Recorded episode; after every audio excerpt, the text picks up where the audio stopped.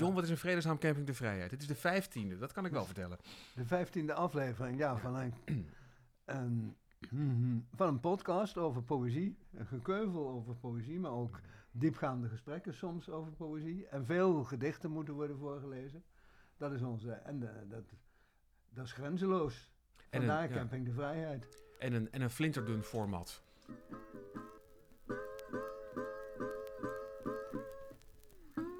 Dit is Camping de Vrijheid, de poëziepodcast van Ingmar Heitse en John Jansen van Galen.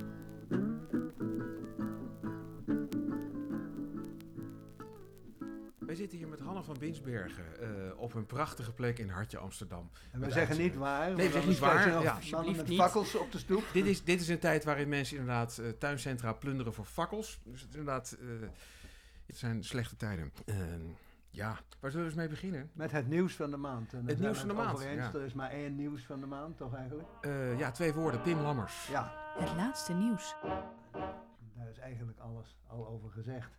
Hè. Er is een hartverwarmende solidariteit eh, betuigd met eh, Pim Lammers, die niet de mond gesnoerd moest worden door een groepje verstokte ja, christenen en reactionairen. Ja, Toch? Ja, ja daar, Dus daar komt het wel op neer. Ja. weinig aan toe te voegen. Misschien behalve, als ik iets mag toevoegen, dat mij trof wat eh Sylvain Efimenko schreef in Trouw. Aha, Die zei fantastisch, al die, eh, al die solidariteit ja. met Pim Lammers. Maar waar was diezelfde solidariteit toen, ja. hè, toen, toen Lalegul de mond gesnoerd werd? Of wat hij daaraan toevoegde, Marike Lucas Reineveld. Nou vind ik laatste geen goed voorbeeld, want die heeft zelf zich teruggetrokken als de vertaler van eh, Amanda Gorman. En, en werd ook niet door, door rechtsextremisten en fundamentalistische christenen. Nee, Maar, Lale niet bedreigd, wel. toch? Die Nee. kreeg toch gewoon een beetje kritiek. En dat was best terecht, dacht ik. Nee, Precies. Niet, niet dat, zij, dat, dat, dat hij eh, kritiek verdient, maar gewoon dat die keuze een beetje gek was. Ja, Ja. Ik, ik, moest, ik moest omzwaaien. Ik vond, ik vond het eerst belachelijk. Ik dacht van, ja, wat is dit nou? En toen begon ik na te denken en te lezen. En toen ben ik eigenlijk rond de 80 graden gedraaid. Die kritiek was eigenlijk wel terecht. En haar omgang daarmee vond ik ook eigenlijk heel erg vorstelijk. Maar ja, oké, dan doe ik het de niet. vergelijking met Lalegul vind ik relevanter. Ja. Want die Ja. werd dus wel degelijk bedreigd. Die is ook een tijd, heeft, eh, heeft zichzelf, eh, zi- zichzelf gecanceld als het ware uit het publieke leven. Dus eh, ja, en Maar- dan suggereert Evimenko, Ja. dus het is ben- kennelijk makkelijker om ons met z'n allen tegen een groepje verstokte christenen te keren dan ons te keren tegen orthodoxe moslims. Dat is wat er Ja, ja, bij dat, hem achter zit. dat, zie- dat zie je in cabaretland natuurlijk al, al vele jaren. Ik was trouwens net te laat om ook onder die advertentie te staan. En dat is me goed ook, want er waren zoveel mensen dat ik weet niet of ik het geprobeerd heb. Het was zo klein geworden, die lettertjes. Je, kon, je wilde altijd Ik, lezen, ik sta, staan ik sta erbij. Ik, ik, ik kan later aan mijn kleinkinderen vertellen dat ik in het uh, debakel Pim Lammers eh, manifest aan de goede kant stond. Ja. Het is natuurlijk onzin. Maar Daar gaat het natuurlijk allemaal om. Daar hè, gaat het om. de Het is staan. profilering. Ja, je Ja. moet duidelijk zijn wie wie. Het is, eh, dat, dat, dat is het lastige altijd inderdaad van dat, dat te hoop lopen. Ja. En dan denken aan, aan Remco Kampert als hem werd gevraagd om iets te ondertekenen. Dat hij zei van ja, daar zullen ze in het buitenland van zal een of andere di- dictator van onder de indruk zijn van oh Kampert is erbij. Nee dan, eh, dan hou ik, hou ik Nou, op met we- mensen maar. Ik heb niks gezegd. Ja. Maar ja, als je nooit iets zegt, dan is het ook een probleem. ja, En het is natuurlijk wel, eh, wat ik het ergst vond, het hele mechaniek van die sociale media, hoe dat werkt. Wat voor eh, mensen erop duiken, die gewoon blijkbaar wel ja, een computer hebben kunnen kopen en het Nederlands min of meer machtig zijn. aan de andere kant, het is een ridicuul voorbeeld. Er schreef ook iemand van ontlezing. Want ik neem aan, daar kun je van uitgaan dat niemand Oh kennis ja, had genomen van de teksten van Pim Nee. Lammers. Alleen van de, het verhaal dat We rond hebben alle, alle- allemaal mensen van, ja, ik heb het boek van Pim. Lammers gelezen. Het is maar geen boek, het is een kort verhaal, het Nee, staat op ja. internet. Waar hebben we het nou over? Welk tijdschrift was dit eigenlijk? Eh, het was, ik, eh Ja, hoe heet dat ook weer? Parelduiker? De Parel. Nee, niet de parelduik. Nee, hè? Nee, dat Oh, ken ik. shit. Nee. Eh, Jammer. Ja. de Optimist. Ha! De optimist, precies. Ja. Ja, heb je het? Ja, oké, de optimist. Mooi Meestal zo. word ik om half drie s'nachts wakker en dan roep ik de optimist. En de Ja. mevrouw gaat toch slapen. Goed, De optimist. Ja. Fijn. Hè, hè. Ja. Ja. Nomen est omen. ja. Als hommage een kindergedicht van eh, Pim Lammers. Op wie ben ik? Mama is op papa. Papa ook op haar. Mijn oma was op opa. Mijn tantes zijn op elkaar. Mijn broer is op een jongen uit zijn klas. In zijn dagboek stond ook op wie? Op Bas. Meester Mark is, zo denken wij, op juf Marij. Eva was gisteren op Nick, vandaag op Mo, morgen op Rick. Meltem is op Juri, Jelle, Jelmer tegelijk. Jules was op Vaat, maar nu op Loek. En ik, ik ben op zoek. Het is een eh, ja, simpel gedicht, maar er zit wel alle diversiteit zit er wel in. Jij ook nog een gedicht van Pim Lammers bij de hand? Of niet? Eh, niet bij de hand. Gaan dus ja, dat schiet niet op. Maar, maar dat heb- moet ik wel zeggen. Ik heb, ik heb die bundel gekocht. Ja. En hartstikke leuke gedichten. Moet ook wel zeggen, en dat is vaak zo met dit, nou, dit soort dingen. Het klinkt een beetje raar alsof we elke week dit hebben. Maar eh, als je dan uiteindelijk zeg maar, gaat, gaat lezen waar het allemaal om gaat. Dan denk je, maken we ons hier nou zo druk over? Net, net, Ja. net als toen, toen Vrij Nederland eh, die hele tekst van het vuil, de stad en de, en de dood van Vastbinder publiceerde. Wat nee, dat was de Haagse werd Post. Dat was ik. de Haagse Post. Was jij Hè? dat? Ja, dat was ik. Mag Ja. je daar alsnog voor danken? ja. Want toen konden we tenminste allemaal die tekst lezen. Het blad was in ommezien uitverkocht. Mhm. En toen zei we dan, dan bijdrukken. En toen zei de directeur, nee, dat moeten we niet doen, want dan gaan we gebruik maken van de situatie. Maar dat vond ik een heel hypocriet argument. Dus het is niet bijgedrukt. Wauw. Ja, Dus het is een collectors item. het is een collectors Niet dat ik het item. nog heb. Ik heb het thuis liggen, ja. Ik wil maar zeggen, dan lees je dat en dan denk je, oh, dus hier zit ook de denkfout. Of, eh, en vroeger las iemand nog iets voordat hij er wat van vond, maar dat is dus nu helemaal niet meer, begrijp ik. Dat, dat vind, vind ik wel erg. Ik ik ben ook, dat moet ik zeggen, het heeft me wel allerlei nieuwe dingen gebracht. Ik ben bijvoorbeeld naar liedjes van Monique Smit gaan luisteren. Oh, Ja, dat valt niet mee, eh, John. nee, dat is nog veel erger dan ik, dan ik dacht. Met, met wel hele mooie rijmparen als... eh, eh, ik, ik heb geen zin in siesta, want eerst is het tijd voor fiesta. Ja, Goed gevonden, ja. kom er maar eens op. Was er niet nog meer nieuws van de maand? Ja. eh, Er is nog steeds geen dichter des vaderlands. Oh, dat was het, ja. Is nog steeds geen... En, Ja, of, en of daar weet misschien jij weet meer van, meer. maar dat mag je niet zeggen, wat? Nee hoor, ik weet helemaal niks. Nee. Ik weet Nee. alleen, eh, dat, ja, ik ken alleen de oude dichter des Vaderlands, Ja. maar Ja. die, eh, Maar nee, ik, ik, ik weet helemaal niks. volgens mij weet jij wel meer, maar mag, niet, mag je niks zeggen. Nee, anders, anders krijg ik echt een probleem inderdaad. Ja. Maar ik weet wie er... Wie er ja, voor ons. Ja, dat is En onze luisteraars, ja. het- het- Jij weet wie zich teruggetrokken heeft. Eh, ja, ik weet wie is benoemd en wie zich teruggetrokken heeft en ook waarom. Ja. Eh, overigens komt het wel uit een grapevine die wel Amsterdams is. Dus Oh. in, in, in die zin hoeven we maar enkele straten te lopen om aan te bellen bij, bij een collega van jou die het allemaal weet. Maar eh, goed. En als die het weet, weet ik ook dat enkele tientallen anderen op de hoogte zijn. Maar wat ik het, het, eh, het ergste vind, of, de of het gekste vind aan deze hele situatie is... De wereld draait gewoon door. Ik geloof niet dat iemand DDV mist. Zou Nee. het kunnen dat het niet zo'n belangrijke functie is als we denken? Wat denk jij, John? Ja, ik las laatst nog iemand die, eh, die dacht dat uh, Zed Bruinja de dichter des vaderlands was. Die was een paar jaar achter, maar dat maar is ook iets van eh, gebrek aan relevantie. Eh, het zijn niet mijn woorden, maar daar heb je wel een punt Ja. misschien. Ja. Eh, want het is wel zo. Kijk, de een maakt er wel wat van. En de ander misschien ook wel, maar wat minder zichtbaar. Ik heb de indruk Ja. dat Zet Bruin wat minder zichtbaar was. Lieke Marsman, daar kun je alleen maar superlatieven over spreken. Hoe die dat heeft aangepakt. Maar ja, die had misschien ook wat meer de kans. Of die, had het, die, die, die ging wat meer terug naar de kern waar het om gaat. Namelijk dat je gewoon een aantal steengoede gedichten maakt. Dat deed ze al daarvoor. En daar gaat ze nou mee door. Dus het is wel nieuws, maar het is ook nieuws zonder... We kunnen er geen gedicht aan vastknopen. Want we zouden niet toch van een mooi gedicht van eh, de, de oude dichter des Vaderlands. Ja, Ja, Ter gelegenheid van poëzie. Er was niemand jarig, er was niemand dood. Het gedicht was zelf de reden. Als we zeggen, de mensen lezen geen poëzie meer, wat bedoelen we? We bedoelen dat ze niet langer voelen.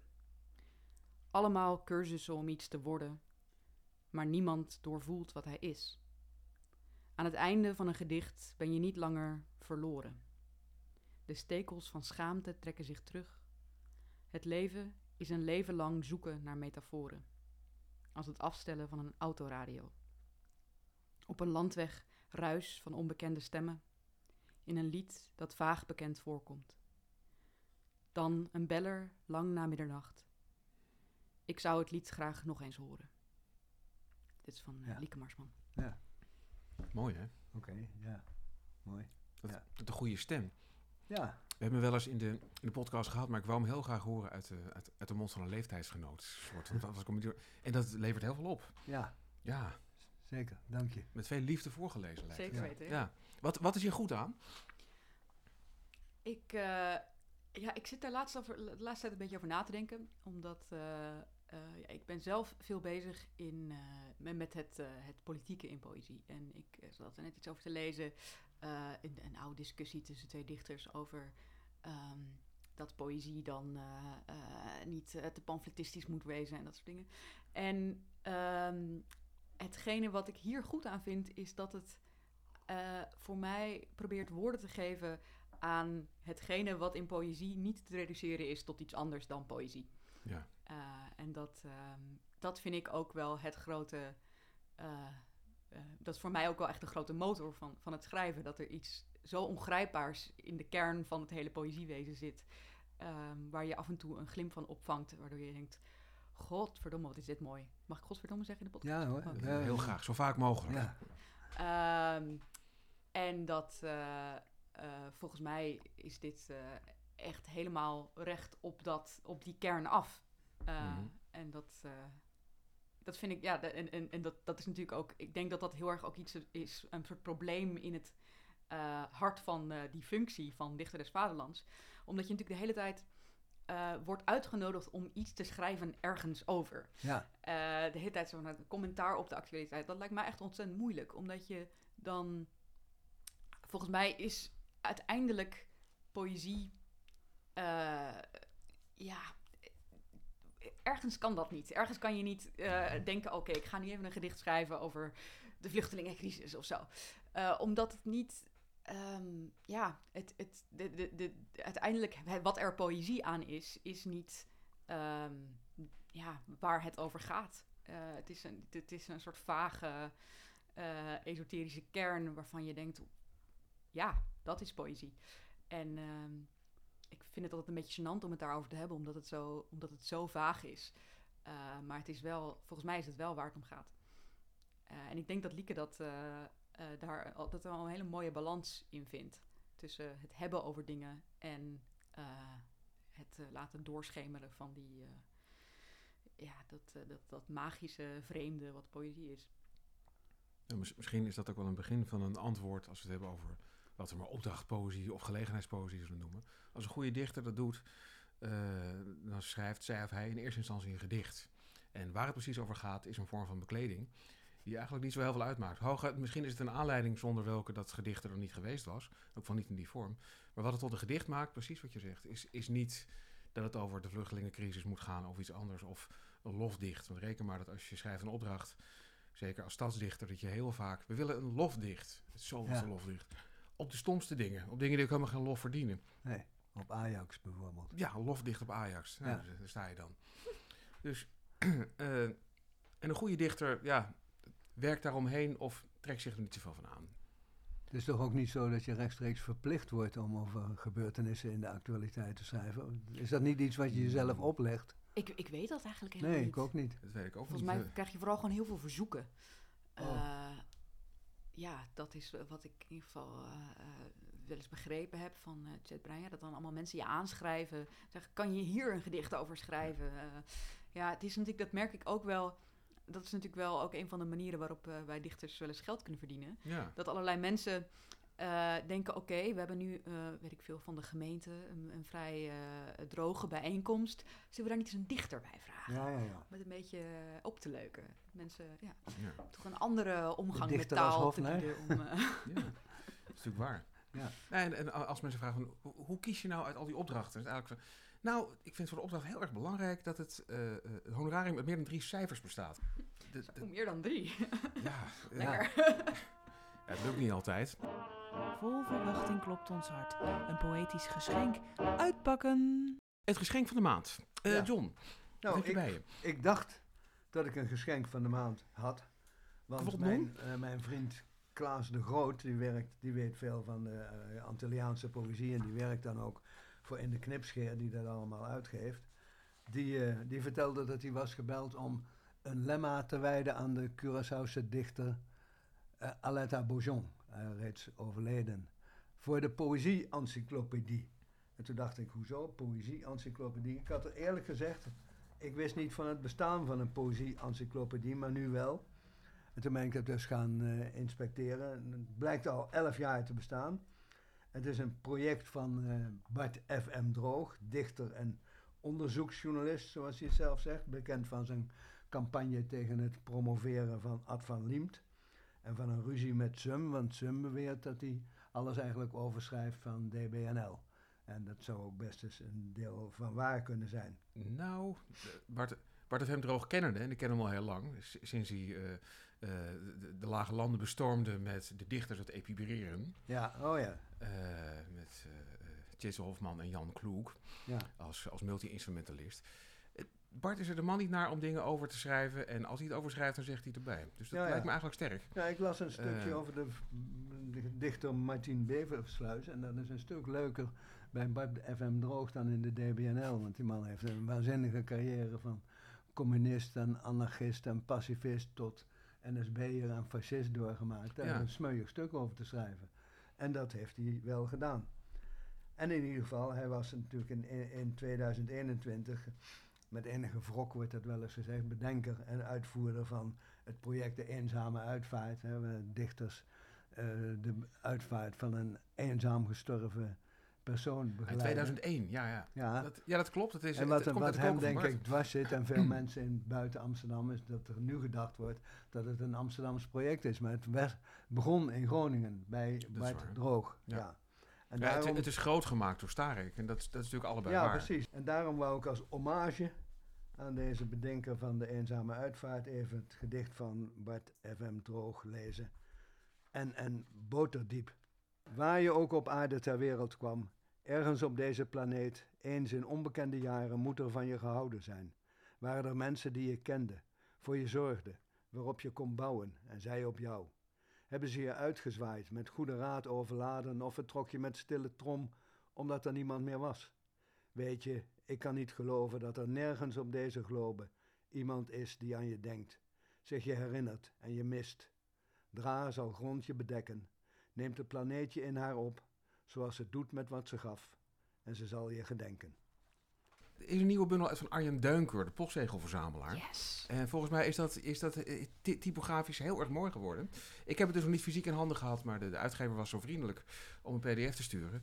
En Arjen Duinker is dat typisch zo'n dichter waarvan ik vaak denk van, dat is helemaal niks voor mij. En dan ga ik hem weer lezen en dan denk ik na twee gedichten, dat is wel iets voor mij, wat is er eigenlijk mis mee? Of wat is er mis met mij dat ik dat denk? En dit is dus ook weer een hele leuke bundel.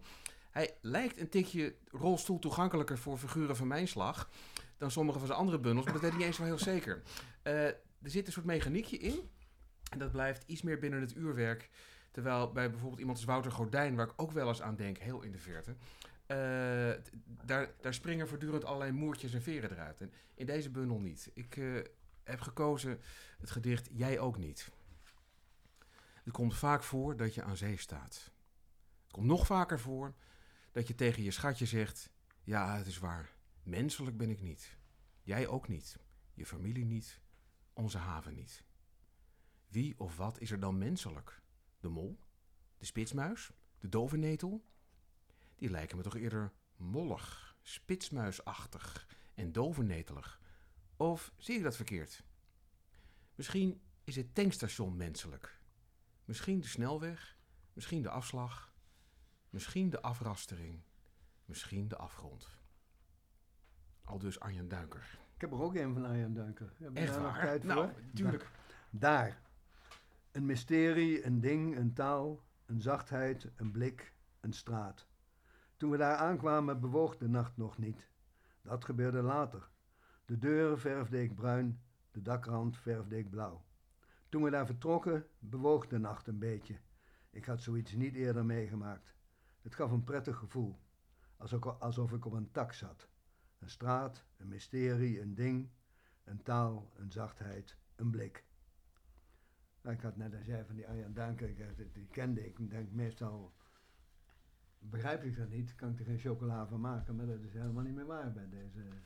Hanne Ribies. Ja, ik ben vind jij er mooi aan? Ja, vertel. Ja, ik, ik vind het... eh, kijk, wat bijvoorbeeld in dat laatste gedicht wat John voorlas, wat ik daar heel leuk aan vond, is je hebt dan eh, zoiets wat dan zo'n dichter zegt, hè, de nacht bewoog.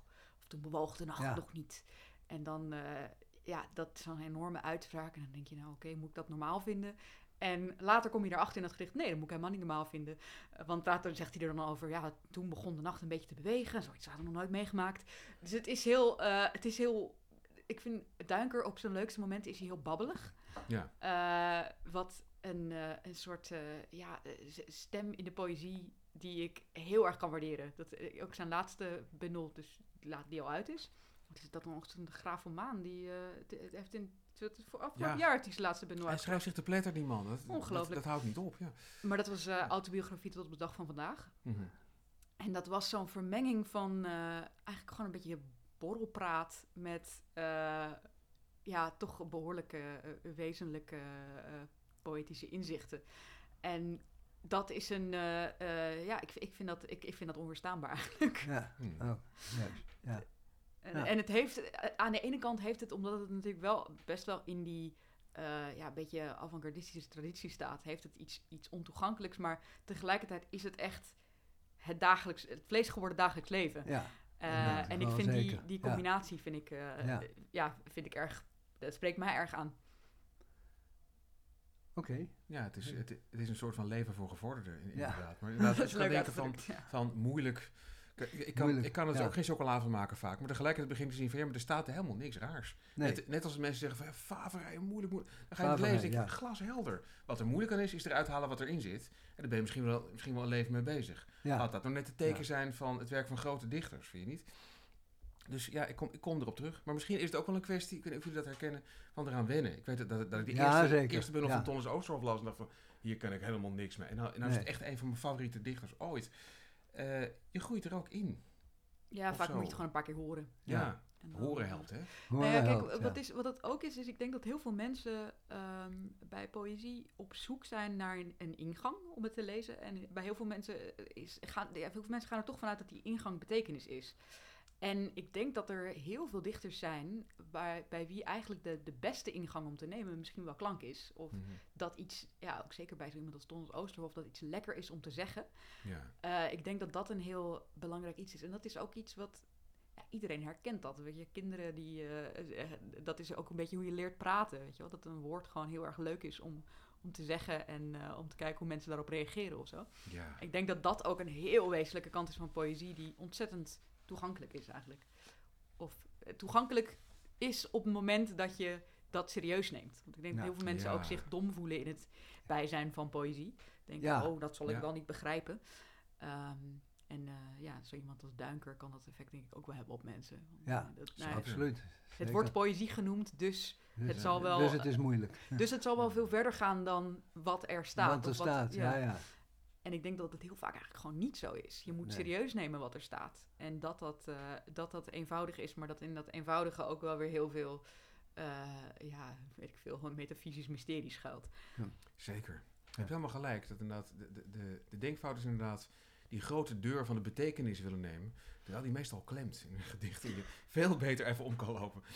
ja. Waar, waar, waar, waar gewoon de keukendeur wijd open blijkt te staan. Ik had er nooit eens over nagedacht. Dat is natuurlijk zo. Het is de basisfout die heel veel ja. mensen, maar ik zelf dus ook nog vaak. Hebben we nog een gedicht van de maand? Het gedicht van de maand. We hadden het net over die eenzame uitvaart. En pas in een reportage, die worden tegenwoordig... Daar worden reportages van gemaakt door Joris van Kasteren. En daarin kwam Ja. ik de naam tegen van... eh, bij het eerste gezicht van Jan Kal. Toen dacht ik, jeetje, is die dood? Hè? Een ontzettend productieve, productieve sonnettendichter. Maar dat bleek niet zo te zijn. Het ging over een vriend van Jan Kal uit vroegere tijd... die hij zijn kutswagen noemt van zijn tijd. Oh, ja, ja. Hebben ze Dat- kan eigenlijk niet meer. vriendin gehad. dat, is, dat is een woord. En die is er weer met een derde vandoor gegaan. En die man was Je hoort ook van- paalzuster. Waarom kuts? Frans, mijn vriend was vies. rijk en die is aan Ja. lage wal geraakt. En toen heeft hij zich weer aan Jan Kal opgedrongen en is bij hem in huis getrokken. En het is, was een zootje in dat huis, een absoluut zootje. En hij is daar erbarmelijk aan zijn eind gekomen, die man. Eindgoed. Ja. bij deze eenzame uitvaart, dus zo eenzaam was hij niet, want hij woonde bij, bij Jan Kal in huis, zoals ik net zei. Er werd een gedicht voorgedragen, altijd worden die gedichten voor de gelegenheid geschreven door een dichter. Ja. Maar nu hebben ze een gedicht genomen van Jan Kal over een bizarre gebeurtenis die zij samen hebben meegemaakt. Die, die, die vriend en, en een vrouw, ik weet niet of het die vrouw was, maar een vrouw. En dat is bomaanslag Bologna, 2 augustus 1980. Wanneer ik pech heb, zie ik toch de zon. Want bijna stond ik op een dodenlijst die zomer. Naar Italië gereisd om bij te komen met kutzwager Ton. Nog één dag rekken bleek te duur geprijsd. Slechts koffie in Bologna op het station. Hoewel ik dacht dat nog wel eentje kon, zei Ton, ik rijd nu weg. Dat bleek het wijst. Te Beekbergen deed ons het nieuws verbazen. Centraal station Bologna opgeblazen. We waren tien minuten eerder weg. Op de plaketten worden niet voor eeuwig herdacht. Saskia Dolk, Jan Kal, Ton Schouwen. Verdikke me, ik heb ook altijd pech. Ja. Mooi contrast met Arjen Duiker. Ja, zeker. Het, het, het gebeeld houden, of in elk geval het, het, het, eh, het, het, het prachtige bedreven sonnet. Ja, het sonnet, het Ik- ja, ik- klassieke sonnet. Maar ook wel een wij- beetje een sonnet met een punchline. Ja, dat- het is ja, ja, Ja, ja. inderdaad. De punchline, Maar dat, ja. dat, dat is Jan Kal wel toevertrouwd. Hij kwam Jan Kal vroeger eh, vaak tegen in het café, een, een, een opgewekte man, die toch altijd te klagen had over het bestaan van dichter. Dat was heel ermetierig. Ja. En later heeft hij nog, kwam ik hem tegen in de bibliotheek van de, van de Vrije Universiteit, want daar heeft hij nog heel lang, is hij gered met een eh parttime baan als bibliothecaris. En Ja. toen had hij daar eh, zijn geld te verdienen, want ja, met die gedichten eh, kwam hij er niet. Ik denk dat Jan Kal bij mijn allereerste echte poëzieoptreden was. Dat was namelijk in Haarlem, in eh, Café de Waag. Ah, en volgens mij woonde Jan Kal in Haarlem, of in ieder geval was hij altijd in dat café. ik lang, was ook ja. altijd in dat café, Ja. dus dat... en eh, ik was eh, 15 jaar, denk ik, of 14 of 15. En toen eh, heeft hij nog een biertje voor me gekocht daarna. dat was heel sympathiek. Ja. Het is een aardige man. Ja, het is een, absoluut een aardige man. Ja. Leuk, oké, dus da- dat, dat was gedicht genomen. Ik heb eh, eh, van Luc Gruet. Ik ben, ik ben al heel lang eh, v- vredelijk hard fan van Luc Gruet. Het is echt iets voor mij. Eh, en ook, ook, in die nieuwe bundel is, eh, is weer onstuitbaar de doodsbloem ontloken. Zoals Jood het hoofd ergens eh, schrijft. Eh, liefde en aftakeling, heel erg morsig, herfstachtig, ranzig soms zelfs. Gistend van liefde, diverse vormen van lust. Eh, aanstekelijk, weemoedig, grappig. En, eh, het is, als, als je de gedichten van Luc leest, heb ik altijd het idee dat ik een prachtige bos bloemen zie. Die net één dag over het hoogtepunt heen is. En al een heel klein beetje verval vertoont. En dat is juist zo mooi eraan. Dus heerlijke nieuwe bundel, heerlijke dichter. En ik lees Foeivrouw. Een tuin hiernaast. Buurvrouw roept Foei! Woest laait en loeit van ochtendkriek tot avonddauw haar dag. Al maandenlang duikt Pekinees of mijnwerker met koplamp onder haar rok waar niets te vinden, niets te keffen of te zeggen valt. Maar zij roept foei! Anemonen, rozen, nachtschoon bloeien zich te pletter. Kanaries heffen in haar donker hoger zingen aan en vallen dood. Straks komt augustus, dief van de dag, hoewel zomer nog moet zomeren tot alles kreupel is gegroeid. Buurvrouw dooft haar licht, roept daarbij foei. Luc Rouet, Luc ja. gedicht van de maand, wat mij betreft. De gast van de maand. John en Ingmar praten met een coryfee uit het land van de poëzie. Ja, eh, ja, ik wou zeggen welkom, maar dat is onzin, want we zitten al een half uur met elkaar te praten. Als er iemand welkom is, zijn wij het hier. Jullie zijn in mijn huis inderdaad. Precies, ja. Ja, waarover gaan we het hebben, Hanna van Binsbergen? Over Cocagne of over Jacobin? Of hoe, zeg ik het goed zo? Jacobin, ja, Ja. dat is eh, correct. Nou, eh, ik, ja, ik weet het niet. Eh, wat mij betreft kunnen we het over allebei hebben. Ja, is, er een, is er een connectie? Co Cocagne is je laatste bundel. Cocagne, ik heb het even opgezocht, betekent Cucagna in het Italiaans met drie C's aan het begin. Dus misschien spreek ik het ook heel verkeerd uit. Kokanja is, is correct, ja. Oké. En, eh, maar het betekent ook bolletjes kleurstof. En er is voor nog een restaurant te Groningen dat zo heet. In de Oude Boteringenstraat, diner vanaf 25 euro. Nou, dat is te doen. is te geven. Maar goed, je bedoelt het als lui lekkerland. Ik bedoel dit inderdaad als Leiderland, ja. Ja, En eh, ja, de, de, de, het ehm eh, Cucagna in, in eh, Italië heb je volgens mij, eh, is het ook een soort vaste kermisattractie dat je dan, eh, ehm, het is een soort van koekhappen. Of- volgens Oh. mij, nou, of een soort van eh, combinatie tussen de, wat is het, kop van Jut en koekhappen. Dus je moet Ja. ergens op slaan en dan kan je een ham winnen of zo. oh ja. Ehm, of die hangt daar dan ergens. In Ik was als kind doodsbang voor de kop van Jut. Want dan moest je in de kermis en de ingang van de kermis, daar was die kop van Jut. En ik was in de oorlog opgegroeid, dus bang voor eh, knallen en Ja. bombardementen. En probeerde altijd net, terwijl er niet iemand op dat ding zou slaan, te glippen de kermis op. Want anders dan ging het ding met een knal omhoog. En de bedoeling was dat het zo hoog mogelijk schoot. Want dan kregen die mannen die dat deden een kokarde. Maar nu dwaal ik eh, af. Nou ja, dan wil ik toch graag iets verder af. Ik, ik ben ook bang voor de koffiehut. Maar dat komt omdat ik eh, eh, altijd word verslagen door mijn moeder. Oh, Goed slaan op zo'n ding is natuurlijk deels kracht, maar het is ook een kwestie van techniek. ja. Wij hadden en hebben een huisje in de polder, wat half op het water staat. En als je een houten huisje hebt dat half op het water staat, moet je goed palen kunnen heien. Het is nu 88, dus ik weet niet of ze het nou nog zou doen. Maar ik vond het ook wel cool altijd, maar dit ook wel iets van, ja... maar het thema is dus. Luilekkerland. Zeker. Ja. Ja. en ik denk dat daar ook, eh, nou, ik kan dan gelijk iets, eh, iets zeggen over de connectie met Jacobin. Want Ja, ik dat denk dat eigenlijk eh, zowel deze bundel als eh, het tijdschrift Jacobin Nederland eh, een, een socialistische inslag hebben. Ja. En eh, nou, kijk, bij, voor dat tijdschrift staat het buiten kijf. Ik bedoel, dat, dat zeggen we overal. eh weet je, Jacobin Nederland is een socialistische publicatie. ja, Ehm, en ik, ga dat, ik heb dat bij die bundel eh, niet zo overdreven duidelijk gezegd. En dat ga ik ook niet doen.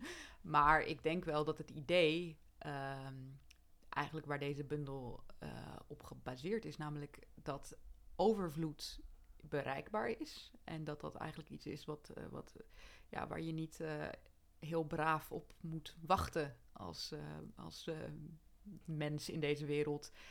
En je goed gedragen totdat je het verdient, maar waar je gewoon om, moet, om moet vragen of voor moet vechten. om dat hier en nu te krijgen en niet in de volgende wereld. Dat is een, een, een ja, volgens mij is dat een, een, tamelijk socialistisch idee. En eh, ja ik- maar Luilekkerland, dat suggereert, ik hoef verder niks te doen eh, om te kunnen smullen naar huitenlust. Dat is toch een beetje... precies. eh, Maar, en dat is het einddoel. Dat is zeggen. het einddoel, inderdaad. Maar om daar, om daar te komen, om dat te bereiken. Het idee eigenlijk is dat het serieus nemen van die droom. Zeggen, nou, volgens mij Ja, is ja. dat best realistisch. Alleen in de wereld die er nu is, is dat niet mogelijk. Of zijn we daar nog niet. Ehm, en het is misschien ook wel de bedoeling dat we denken dat dat niet haalbaar is. Dat dat niet iets is wat, we, wat, wat voor ons is.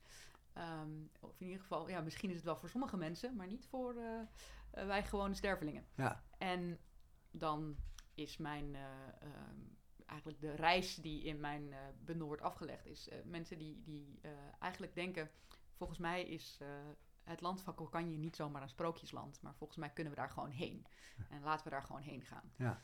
En, dat, eh, en dan kom je een paar obstakels tegen en dat is een soort van midden van de bundel. Eh, en eh, aan het einde, volgens mij is er, is er sprake van een aankomen in Kokanje. wil je iets eruit voorlezen? Zeker. Ehm, ik lees het eerste gedicht van de reeks waar het mee begint en eindigt, namelijk Ja. De waarheid in Lekkerland. Feiten over het paradijs. Het is omheind. De weg erheen bespookt door taken. De dis voorbij, maar ver van veilig. De tover bijt je in de hielen. Iets kleins springt op en neemt zijn ware vorm aan. Toren, gedonder. Vroeg of laat vindt de douane je. Alleen de leegste zielen waaien op naar de onsterfelijkheid. Jij en ik, Vicinus, en de rest van de heffen komen er niet in. En dit is, eh, dit is het paradijs, dat is niet Luilekkerland. En Nee. het, idee, het verschil is dat het paradijs, dat moet je verdienen, daar moet je je leven lang braaf voor geweest zijn. En eh, en dan uiteindelijk kom je er waarschijnlijk nog, iets, nog niet in, want dan heb je, je hebt al, iedereen, heeft, eh, iedereen is een zondaar. En iedereen heeft wel iets verkeerd gedaan. Terwijl, dit, dit, is, ja, dit is eigenlijk een soort, ehm, eh, de verklaring waarmee je begint. Namelijk, dit, ja, dit is niet, dit werkt niet. Ehm, en dus we moeten een alternatief hebben. Een alternatief, een alternatief dat past bij wat we nodig hebben. En Ja. dat is kokanje. Ja. En dan citeer je herhaaldelijk... eh, de zachte krachten zullen winnen in het laatst. Doe ik Dus- dat? Dat heb, je, heb ik ergens gevonden. Dat, dat- je, je- In de bundel. nee, nee, nee. Oh nee. In, in diverse stukken die je hebt geschreven. Je hebt toch ook een essay over Henriette Roland Holst geschreven? Zeker, ja. Het- Maar eh, ik weet niet of ik daar zo. eh, ja, ik, ik ben. Ik ben niet helemaal eh, ontzettend onder de indruk van eh Henriette Rothos. Ik ben- nee, laat, laat ik dat zeggen. Ik ben wel onder de indruk van haar. Ik zie haar niet als een, op alle punten als een, als een voorbeeld. Nee. Ehm, en ook zeker die zachte krachten waar zij het over heeft. Uiteindelijk, ja, ik denk dat, dat dat ook precies eigenlijk is waar zij een beetje met het socialisme in de knoop is geraakt. Want volgens mij is haar socialisme 100% moreel Ja. gefundeerd. En dat is denk ik een vergissing.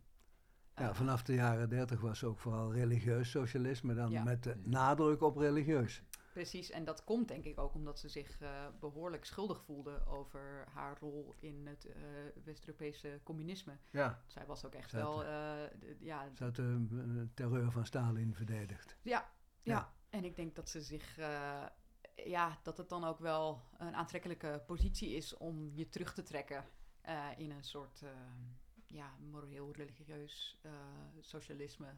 Waar, waarbij de kern is, eh, we moeten gewoon aardig zijn voor elkaar. Daar doe ik het ook mee tekort waarschijnlijk hoor, maar Maar het is soort sprookjessocialisme, als je het zo zegt. Ja, terwijl ik volgens mij gaat, eh, nou ja, ik, dit is natuurlijk iets waar, een, paradepaardje wat ik altijd van stal haal, maar eh, volgens mij is er een onderscheid tussen het domein van moraliteit en het domein van politiek. En moraliteit gaat over hoe je met elkaar eh, omgaat en hoe, hoe je Ja. eigen geweten zich daartoe verhoudt. En politiek is met een groep mensen macht verwerven. En, Ja. probeer, en dat is waar volgens mij socialisme over gaat. En dat heeft nog dan nog niet zo heel veel inhoud. Ik bedoel, je kan dan zeggen, je kan niet zo goed voorspellen wat er gebeurt op het moment dat een groep mensen, zo laten we zeggen, zeg maar de, het, nou ja, het proletariaat de macht verwerft. Eh, maar dat is, het, dat is het democratisch ideaal. Wat er dan vervolgens eh, eh, gebeurt, dat ligt open. Ja. Dat, Mark zei daarover, je kan niet in de gaarkeukens van de toekomst kijken. Ehm, of tenminste, je kan niet de recepten voor de gaarkeukens van de toekomst schrijven. Maar, dat, dat is mooi gezegd natuurlijk. En het is natuurlijk wa- waar dat er een kloof gaapt ik bedoel, de- de- de- tuss- tussen moraliteit en politiek. Dat, dat, dat kun je, ja, dat, het, het is nog eh, eigenlijk beter te zien aan de vijand, aan, aan rechts, hoe dat, eh, hoe totaal gewetenloos dingen worden opgeklopt. De- inderdaad, het heeft niet zoveel met elkaar te maken, lijkt het wel. Nee, en ik denk ook dat, dat eh, hoe daar vervolgens op gereageerd wordt door links, door te zeggen van, oh nee, ehm, dat mag je niet zeggen. Dat dat eigenlijk ook een beetje de verkeerde reactie is. Omdat Ja. je, dan speel je het allemaal op het, op het eh, morele veld. En mensen vinden het verschrikkelijk als iemand zegt, je mag iets niet zeggen. Ook als, als iemand, ja, eh, ik weet niet of dit nou iets is waar we heel erg ergens mee naartoe gaan hoor. Ja, maar, heel graag. ja. Ja. Dit, dit is eh, heel ik, ik denk dat op het moment dat iemand eh, eh, een uitspraak doet. En eh je zegt daarvan niet, eh, nou, dat, eh dat kwets me dat je dat zegt, maar dat mag je niet zeggen. Eh, ook al was die persoon niet zo heel erg overtuigd van die uitspraak, dan, eh, dan eh, gaat hij zijn hielen in het zand. eh, Ja. Ja. ja. En, en dat. ehm, ik denk dat je daar. Ja, dat, ik bedoel, ik, ik kan het natuurlijk allemaal makkelijk zeggen, want ik zit zelf niet op Twitter. Ik heb er een schurfthekel aan. Eh, dus dat. eh, Je hebt gelijk. eh, maar dat, dit is ook wel een van de redenen, omdat je dus dat, dat, eh, dat spektakel van elkaar maar eh, eh, ja, opjutten in, eh, in, in, in discussies en, en eh, elkaar ook moreel de maat nemen. Volgens mij is dat niet eh, hoe we de strijd gaan winnen. Lees nog iets uit uh, Cocagne, alsjeblieft. Uh, toepasselijk uh, het gedicht Vijanden. Het was niet leuk, toch denken we er vaak aan. Door het geploeter schieten ogenblikken. Een onberedeneerde pret, een pijnscheut in vermoeid geschater, die onthouden wordt, terwijl de moeite in het vat blijft. Zelden zulk lekker brood gegeten. Een enkeling liet zich omkopen. Koud, versta je? Een kleine vijand met de glamour van een reiger. Steek je spade in de aardige grond. Je weet niet wat je opgraaft. Een boek, een zak. En onderwijl, de schraalheid zelf, komt de kostbaas om zijn bloed. En buig je dorre rug over je schatkist vol met slangen. Kunnen we helpen? Nee? Vaarwel. De man schudt een tak en hij is weg. Het zou goed moeten zijn en genoeg om aan dit meer te wonen. En elke dag te werken aan het grote gedicht dat wandelen heet. Ja, het grote gedicht dat wandelen Mooi, heet. ja. Dat ik uh, als wandelaar ook even genoteerd. Dat is mooi, ja. ja. Er wordt heel veel gewandeld in deze bundel. Ja, inderdaad. Doe je het zelf ook? Ja, ik ben wel, ik hou wel erg van wandelen. Niet per se dat ik dan eh, een soort eh, grote trektocht ga maken hoor. Het is een beetje de, een NS-wandeling op zijn tijd. Maar Ja. eh, ik, vind, ik denk dat, er, dat het wandelen en eh, eh, ja, natuurlijk, het, het is echt een COVID-bundel ook. Hè. Het is echt geschreven tijdens de lockdown. eh, waarin we allemaal wat afgewandeld hebben met z'n allen. Ja. En, ehm, maar ja, daarnaast, ik denk ook dat er een soort connectie is tussen het eh, schrijven over poëzie, of van poëtisch nadenken en het wandelen. Namelijk, je ziet allemaal dingen aan je passeren en je bent eigenlijk, je bent, je bent eigenlijk niet, ehm, eh, je bent niet echt ergens over aan het nadenken. Je Nee. laat gewoon, je bent heel ontvankelijk voor dingen. Ehm, en bij mij vormen zich dan vaak zinnen eh, die later leiden tot een gedicht. Dat schrijven mensen vaak zoals Cees Notenboom, dat je eh, wandelen leidt je tot allerlei gedachten. En, maar mijn ervaring met, als het, nou wat is het, 75 jaar wandelaar, is het dat hoe langer je op pad bent, dat je hoe langer hoe meer vervaagt eigenlijk. Dat het, eh, er valt niet zoveel eh, te denken. En, eh, Dat het steeds stiller wordt eigenlijk. het wordt steeds stiller, Ja. ja. Dat, dat is direct Paul Auster, wist je dat? Wat? Er is een, eh, eh, in de boeken van Paul Auster wordt ook nog wel eens gewandeld. Ja. En de- hij is, eh, je zei bijna gewoon wat, wat er ergens in het boek staat. Ik denk City of Glass moet ik opzoeken. Dat hij eh, uiteindelijk, eh, ik, ik moet parafraseren, dat hij, dat hij wil eh, wandelen. tot- Totdat hij inderdaad eigenlijk het gevoel heeft dat hij niemand en nergens meer is. Nee. This was all he ever asked of things, to be nowhere. je raakt in een aangename versuffing eigenlijk. Als ik, ja, ik wandel tegenwoordig wandelingen van, van 16, 20 kilometer. En dat is, ja, dat is, dat begint met openstaan voor alles. En tenslotte misschien nog wel, maar dan ben je er niet meer van bewust. Ja, dan ben jij misschien gewoon niet meer zo belangrijk in dat alles. Nee, Dat nee, is misschien het verschil. nee. Je staat zo open dat je zelf eigenlijk niks meer bent. Ja. Maken dat je wegkomt. ja, precies. Ik hou ook van wandelen. Een links geluid dat mensen in beweging brengt, dat is de steile ambitie van Jacobin. Steile ambitie, dat is mooi gezegd. Maar Mm, ja. in beweging brengt is een beetje, is een beetje vaag. Daar kan je alle kanten mee uit. Ik bedoel, die mannen met die fakkels, die zijn ook in beweging. Ja, maar eh, die, eh, ja, die hebben we het niet. Eh, kijk, ja, in beweging brengen inderdaad. ja, een hardloper is ook in beweging. Maar ehm, ja, wat, wat ik daar eigenlijk mee bedoel is dat eigenlijk de, de ambitie van een links tijdschrift valt voor een deel buiten de wereld van, een, van het tijdschrift te maken. En namelijk, je wil mensen informeren, je wil mensen eh, eh, ja, een soort handvat geven. Maar dat handvat, je wil, je wil dat ze uiteindelijk gaan, dat is het, uiteindelijk het tijdschrift dicht doen en gaan handelen. Ja, Je wil ze overtuigen. Eigenlijk wel, ja. En dat, eh, maar met het verschil dat ik eigenlijk denk dat het beter is niet om mensen een, eh, een, een, ja, een, een serie teksten voor te leggen die ze gaat vertellen wat ze moeten denken. Maar juist ehm, nou ja, de, de, de, de mogelijkheid geven om eh, zelf na te denken en zelf hun, eh, ja, zichzelf kritisch te verhouden tot wat er om zich heen ge- om- gebeurt. En daar dus ook handelingen aan te gaan verbinden. ja. Ehm, dus dat in die zin in beweging brengen, ja. En natuurlijk Ja. kan je eh, op allerlei manieren mensen in beweging brengen, ook met leugens. ja. Ehm, maar onze steile ambitie is om dat niet met leugens te doen. ja. En om, om, zoals je schrijft, weg te blijven van de sectarische haarkloverij die links zo lang heeft geteisterd. Dat is een mooi voornemen. Maar je denkt gelijk, hoe? Ik bedoel, je zit met een ervaringsdeskundige aan tafel. Ja. Ik ben voorzitter geweest van de Socialistische Studentenvereniging Politeia. En die was, kan ik je melden, heel links. Ja. Maar toen ik daar zat, merkte ik binnen de kortste keren dat er trotskisten waren die stiekem de macht wilden veroveren. En die trotskisten waren ook in vier varianten aanwezig. Dus bestaan er nog trotskisten eigenlijk? Oh ja, zeker. Oh, Ja, eh, ik ben er zelf geen hoor, maar ze, ze zijn er, ja. Eh, ook, eh, ook jonge mensen, ja, ik ken daar een paar hartstikke aardige mensen. Kijk, het probleem is, denk ik, dat... ehm, nou, ik, ja, kijk, ik denk dat, dat de, de formule die wij daarvoor gevonden hebben... om te zeggen, wij gaan dus niet een partijlijn neerleggen. We, gaan een, we, we bieden een, een podium, voor eh, de discussies die er op links toe doen. En dat zijn Ja. dus, eh, dus we gaan niet zeggen, ja, trotskisten wel, anarchisten niet. Nee, nee, nee. Eh, maar we zeggen, nou ja, ze mogen, ze mogen hier gewoon lekker met elkaar in discussie gaan. En dan vinden wij er zelf ook af en toe wat van. Ehm, maar wel eh, binnen de bandbreedte van het socialisme. Het probleem was altijd, die Trotskisten hielden geheim dat ze Trotskist waren. Dat was de intrede politiek die Trotsky had bedacht. Je moest, je moest stiekem ergens machtsposities veroveren. Ja, ja, ja. ja, en dan kon je aan het hoofdkwartier melden, we hebben er weer eentje. Ja, in maar dat ons- is natuurlijk voor een, een, een politieke organisatie eh, van veel groter belang dan Ja. voor een tijdschrift. Ik bedoel, wij... wij Daarom is het eh, verstandig om een tijdschrift te hebben, denk ik. Ja.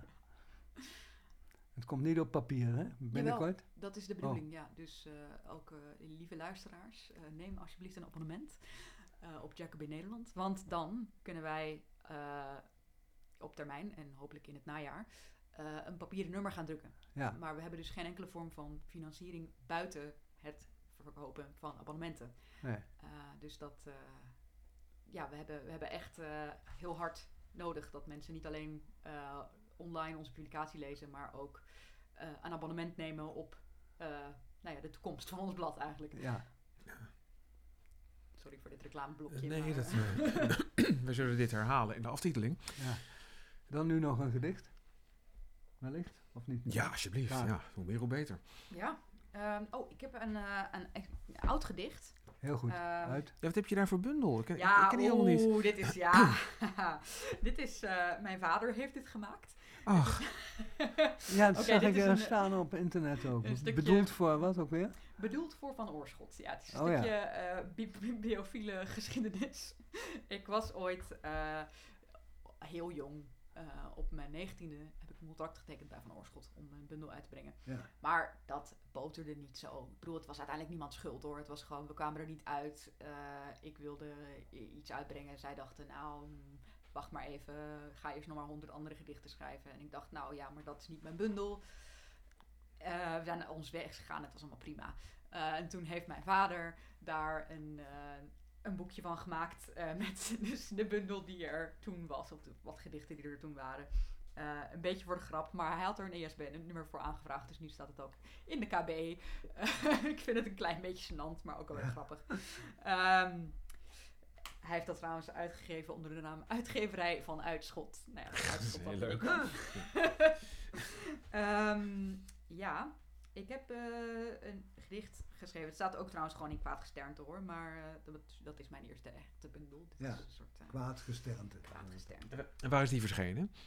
Kwaad gesternte is verschenen bij Atlas Contact. Ah, oké. Ja, wou ik Ah. even checken. Het kan allemaal goed. Ja, dat is Ehm, verkeerde huis. Maar inmiddels ben je nu weer Ja. bij Pluim, toch? eh, ja, ik ben Ja. toen eh Met naar Pluim Mitzi gegaan. meegegaan, Precies, ja. Oké. Maar goed, hier komt het gedicht eh, vrij naakt op een oud hemd na. De laatste zinnen van het communistisch manifest raken me nog evenveel als toen ik dertien was. Ik hou die lucht graag in mijn kleren. Het geroep waar jullie misschien geen aandacht aan besteden, waartegen je geleerd hebt je oren te beschermen, dat je misschien aan honden toeschrijft, houdt mij levend. Wantrouw het beeld dat uw ogen u steeds teruggeven als u ze sluit. Een averechtse logica drijft je tot grote dingen in het donker. Een uitspraak maakt u ontstellend populair. Grijs pluis, verveeld papier en 20 cent, dat is de wereld. In plichten, trouw, verveeld, bent u opnieuw geboren. Dat je ooit in je vuurvast vel geloofd hebt, niet vatbaar voor de tanden van een rat, niet vatbaar voor de ziektes van de open wereld. Ik mis een lichaam dat van u alleen is. Vrij naakt op een oud hemd na. Dus de toon was eigenlijk meteen al. Als je 19 was toen je dit Ja. publiceerde. Toen je vader dit publiceerde. Eh, ja, ik, ik weet niet. Ik, ik, ik zit hier nu. Ik heb dat vaker als ik mijn oudere gedichten teruglees. Dat ik, ehm, dat ik heel veel dingen ook eigenlijk niet meer zo goed snap. Ehm, en dat is dan eh, bijvoorbeeld de overgang. Ja, eigenlijk de eerste paar zinnen. Dus over dat, over dat geroep en zo en over het communistische manifest. Dat kan ik heel goed volgen. Mhm. Maar dan schrijf ik het wantrouw het beeld dat uw ogen u steeds teruggeven als u ze sluit. En dat, eh, wat dat dan betekent, ja, dat is, dat is leuk hè. Want dan, Ja, als dat dichter komt, allemaal, eh, het komt allemaal uit je hoofd. Maar, of tenminste, nou, dat, dat denk ik eigenlijk niet. Ik denk niet dat het trouwens allemaal uit je hoofd komt. Ik denk dat het door, uit de wereld komt door het filter van je hoofd. Ehm, Mhm. maar eh, ja, dat, wat dat dan betekent. En ik kan daar dan wel een, eh, een soort theorie over vormen. maar, eh, want ik denk dat dat, wat dat betekent, die zin, wantrouwend beeld, dat uw ogen u steeds teruggeven als u ze sluit. Dat dat een soort, eh, ja, dat het zoiets betekent als eh, vertrouw niet te veel op, ja, op, je, op je onderbuikgevoel of op je soort Ja. van eh, ehm, emotionele convictie. Ja. Stel daar, ja, zet daar vraagtekens bij of zo. Ehm, maar dat, dat wordt allemaal heel mysterieus hoe, lang, hoe meer tijd er verstrijkt. Ja, Ja, maar dat, dat, dat is ook wel logisch. Ik bedoel, we hadden het over de misvatting dat, dat eh, sommige mensen proberen om een gedicht te begrijpen. Andere misvatting is volgens mij dat een dichter weet waar zijn gedichten over gaan. Oh ja, ja, ja, ja. je hebt het alleen maar opgeschreven. Ja. Dat betekent niet dat je er verstand van hoeft te hebben. Mag ik je nog een kwestie voorleggen? Oh ja. Jeroen Dera, die heeft eh, je als type, zou ik maar zeggen, tegenover Ellen Dekwits gesteld. En daar schrijft hij, de, Dekwits is de meest letterlijke manifestatie van branding door een dichter in ons taalgebied door zich te omschrijven als het product Ellen Dekwits. Terwijl Hanna van Binsbergen het imago van de poor poet hooghoudt. In het poëtariaat spoort zij dichters aan de pen op te pakken tegen de prestatiemaatschappij. Herken je dat? Als, Ehm, ja, dat vind ik, een, eh, vind ik een moeilijke vraag eigenlijk. Ik denk zo is dat, het ook bedoeld. Ja. Ehm, ik weet eigenlijk niet of er zo'n antagonisme bestaat tussen eh, de personal branding poet en de poor poet. Eh, Want ik denk dat, kijk, ik denk dat ik misschien meer, eh, dat het verschil tussen mij en Ellen Dekwits er meer in zit dat ik, ja, ik zie mezelf altijd als een bijzonder kernloos iemand. Als iemand die gewoon een beetje een soort van netwerk is van een, van een paar opvattingen en ervaringen en gedachten en zo eh, zich een beetje door de wereld begeeft. Ehm, maar ja, dat is Ellen Dekwits ongetwijfeld ook. Eh, alleen heeft zij er een soort, ehm, een soort stik van gemaakt. Een soort... Steek? ja, een soort, ja, een soort iets, een product misschien wel. Ja. Dus, dus Ja, ja, ja. iets wat je, van oh ja, we gaan Ellen Dekwits in dan weet je wat je krijgt of zo. Ik weet, als ik, als ik in, de ochtend opsta, weet ik niet eens wat ik krijg van mezelf. Hè? Nee, nee, nee. Ehm, maar dat, ja, kijk, de, de, de zaak is natuurlijk wel dat als je eenmaal een beetje naar buiten treedt met ehm, een paar uitspraken of ervaringen of wat dan ook, die iets van nieuwswaarde hebben. En nou, nu ik een eh, tijdschrift heb opgericht, eh, merk ik dat ik dat steeds meer blijkt te hebben. Ja. Dan gaan mensen daar toch wel een soort van eh, een brand van maken. Ja, ja. Dus ik, ja, aan, ik- ik denk dat, dat eh, ja, Adorno heeft het mooi gezegd. eh es gibt kein richtiges Leben im Falschen. Er is geen eh, juist leven mogelijk in- in, ja, het, binnen het verkeerde. Vind het verkeerde, ja. Ja. En ik denk dat, dat, dat je mensen niet ehm, kwalijk moet nemen dat ze zich, dat ze, ja, zich op een bepaalde manier staande moeten houden binnen het kapitalisme. Eh, en dat dat, ik vind eigenlijk dat wat Ellen Dekwits daarmee doet, dat dat eigenlijk heel integer is. Namelijk, zij, eh, zij denkt, wat ik wil is poëzie schrijven en me bezighouden met poëzie. Ehm, en nu ga ik dat doen op een manier dat ik daar geld mee kan verdienen. Ja.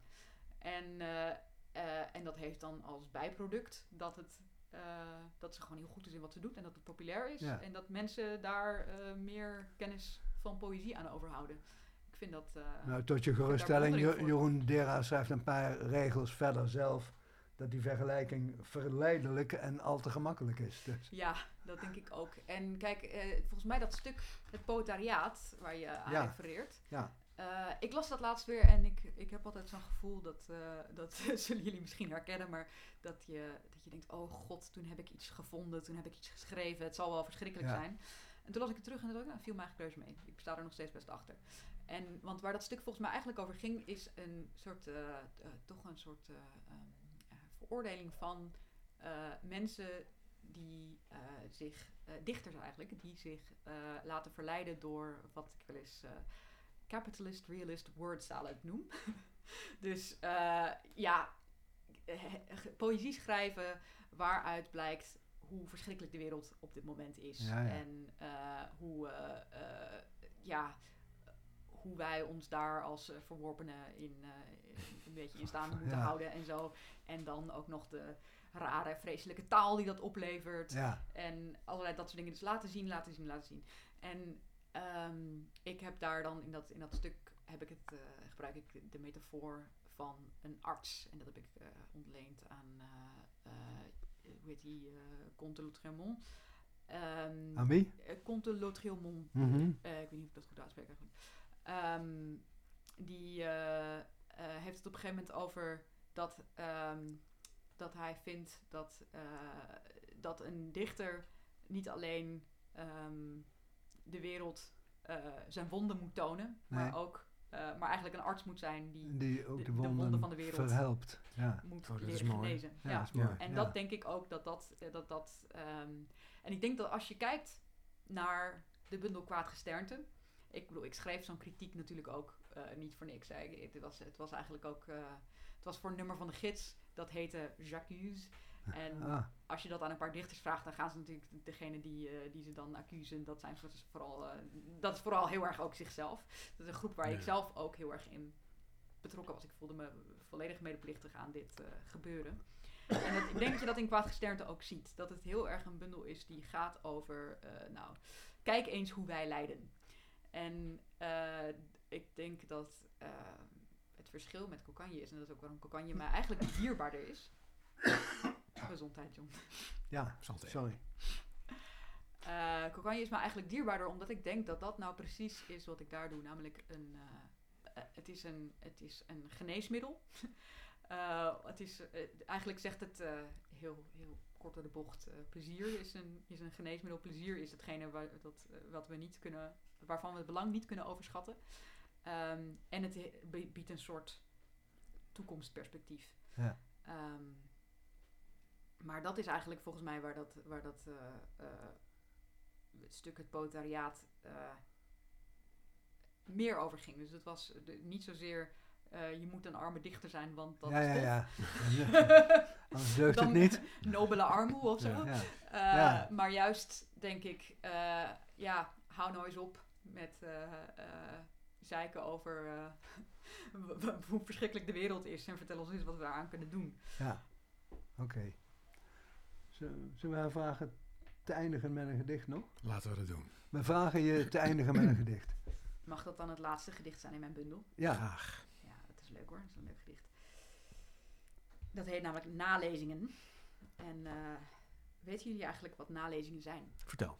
nee. Nee? Nee. Nou, eh, nalezingen, dat is een, het is een eh, term ja, uit de Bijbel en uit de landbouw.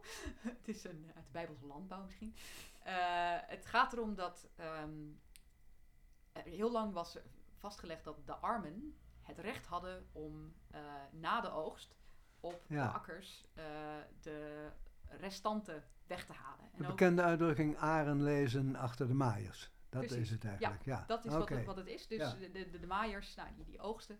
En ook in de Bijbel zijn ook, eh, en zeker in Bijbelcommentaren, eh, is er van alles ook van discussie over hoe, hoe, wat je dan wel en niet mag maaien als grondbezitter. Ja. Want je moet iets overlaten voor de armen, dat is hun recht. En ehm, ik zie ook een verwantschap met eh, bijvoorbeeld eh, tafelschuimen. Of, eh, dat is namelijk dat je, nou ja, mensen eten wat in Ja. een restaurant en die En laten wat over. Vervolgens ga je dat dan opeten. De restjes opeten. Restjes opeten. Ja. Oh, het is een beetje, het is een Ja. beetje vies, hè? En ook dumpster diven, dat is eigenlijk hetzelfde principe. Je gaat, die, de, van, mensen gooien van alles weg.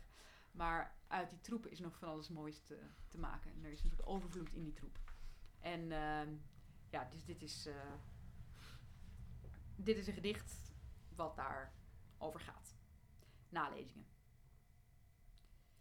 Disgenoten. Liggen de dagen van schepping werkelijk achter ons?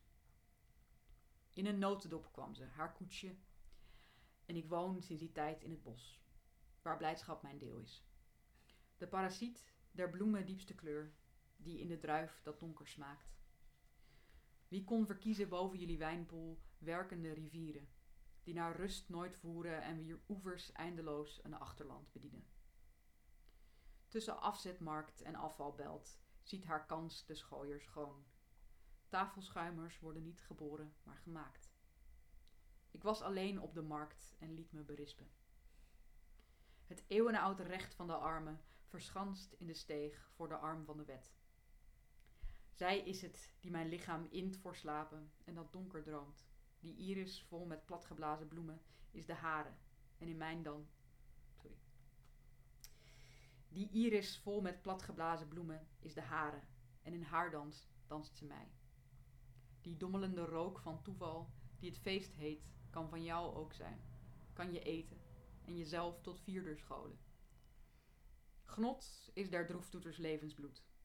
Het is niet veel, maar sappig is het wel. Haar alfabet verwijst er vaak naar. En als haar spreuken werken, is dat mijn vermogen ook. Hefbokalen, doe het gauw, want achter me wordt weer gegeten. De dans gaat door. Ik moet me excuseren. Hanna van Mensbergen, Kokanje. Dankjewel. Koopt die bundel, luisteraar. En neemt allen een abonnement op Jacobin. Ja, zeker. Hoe, hoe, hoe kunnen we daar... eh, Je kunt nu on- online Ja, lezen. precies. Dat heb ik Ja. ook gedaan voor Ja. deze gelegenheid. Dus, eh, hebben we nog een, eh, een woord van Rogier Proper Lemaitre? Natuurlijk is er een woord van Rogier Proper. Er is altijd een woord van Rogier Proper. En deze keer is dat beenderlijm. Niet zozeer in den beginnen, maar aan het einde was er het woord. Van Rogier Proper. Beenderlijm. Ja, beenderlijm. Van botten kan je lijm maken. Beenderlijm genoemd. Zoals van beenderen of botten ook zeep gemaakt kan worden. Tijdens de Tweede Wereldoorlog maakten Duitsers zelfs zeep van botten van mensen uit concentratiekampen. Hoe kom je op het idee? Misschien heeft het te maken met economisch denken. Maakten ze er ook lijm van? Beenderlijm wordt niet zozeer gebruikt om gebroken botten te lijmen, maar bij reparatie van antieke meubelen of instrumenten zoals de viool. Los van dit alles is het een mooi woord, als je het gedragen uitspreekt tenminste. Beenderlijm. Goed. nou, Dit was de aflevering hoeveel alweer? 15, 15 Zo. aflevering. Ja, het Dan houdt zijn we dus al ruim een jaar, een jaar en drie maanden al. Ja, Goh, de tijd vliegt. Wat, wat, wat, wat doen, we, doen we volgende maand eigenlijk? Nou jij had het voorstel nog van, eh, maar die man woont in eh, Nijmegen, hè? Ja. Jaap Robben. Zie Ja. ik een beetje tegenop. Voor mij staat niet erg. Ik reis graag met de trein, dus eh, ik kan niet rijden. Ja, maar wij hebben al die troep bij ons. Ja, Oh ja, dat is ja wel ik waar. kan met de trein, dat is leuk. Dan moeten we Jaap Robben bellen of hij wel eens in de Randstad komt. Het zal toch wel. Ja. Ik moet eh, zaterdagavond naar Nijmegen. Nou, Ik ga optreden met een punkband. Oh, vertel eens. ja, dit is waarschijnlijk tegen de tijd dat dit uitkomt, is het al achter de rug. Maar eh, Ja, ja, de, de band eh, Hang Youth. Ja, Eh, geweldig. ja, Ja. Ik, wat was het? Ik, ik, geef een nier voor geen Rutte 4. eh, precies. Ja, ja, dat is ja. ook wel thematisch gezien. En waar- Nee, in precies. Ja. Daarom hebben ze mij gevraagd om ook iets te schreeuwen waar is het dat Geweldig. Doornroosje heet het. in Doornroosje, Ja. ja. dat is een fameus, eh, Ja. al, al tientallen jaren. Doornroosje. Dus eh, ja, ik ga daar een beetje propaganda lopen schreeuwen. En weet je al wat je gaat schreeuwen of, laat je inspireren door het moment zelf? Nou, ik ga er wel iets bij voorbereiden. Ik denk eh, dat ik een beetje een mooie, een beetje ons manifest versnijden met wat poëzie of zo. Ja. Een Klinkt goed. beetje eh, vrije vertaling van de Clash of zo. Te gek. Nou, dat is, dat is een goed voorbeeld. Nou, als daar nog eens opnames van beschikbaar komen, dan eh, hou ik me aanbevolen. Ja, Vast wel. Heel veel plezier daar. Dit Ja. was Camping de Vrijheid. Namens Ingmar Heitse en John Jansen van Galen. Tot de volgende aflevering. Ik heb nog nooit ergens fakkels te koop zien staan. Moet ik- Toch tuincentrum? Fakkels? Nee, geen. Dit, Nee. Hoe, hoe komen al die mensen die fakkels? Hebben die er gewoon bewaard of zo? In, de- in, in Twente heb je veel fakkels, denk ik. Ja, een, een lichtnet dat niet zo heel betrouwbaar is. Ja, super flauw natuurlijk. Ik, bedoel, ik, ik ga, Ik we zijn in Amsterdam, maar ik ga geen grapjes maken over de Medine. toppen over Diep, Diepenheim, volgens mij is dat helemaal geen Twente. Diepenheim, dat is Salland. Maar ik, ik weet het niet zeker. Maar Diepenheim, wat, heb je daar heb jij Ja. kijken op wat dat, wat dat is? Ja, daar we geregeld geweest. Prachtige Ja. kastelen liggen daar. En Ja. een, Kastelen en fakkels vind ik het logische combinatie. een, een verre tante van ons had daar een café. En daar kwamen we eh, regelmatig op bezoek. En, en hoe heet dat café, weet je dat nog? Dat heette Gerritsen, meen ik. Café Gerritsen. Ja, het heette goed. gewoon, eh, Ja. ja. Ik vind nou een goed café. Bestaat het nog? Het bestaat nog, Ja. ja. Het is een vrij, vrij groot pand.